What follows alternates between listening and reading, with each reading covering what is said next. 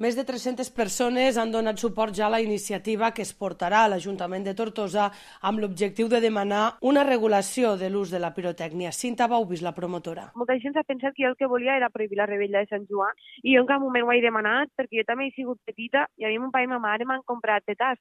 Però a mi sempre m'han ensenyat que els petards se tiren la nit del 23, no, no l'1 de juny.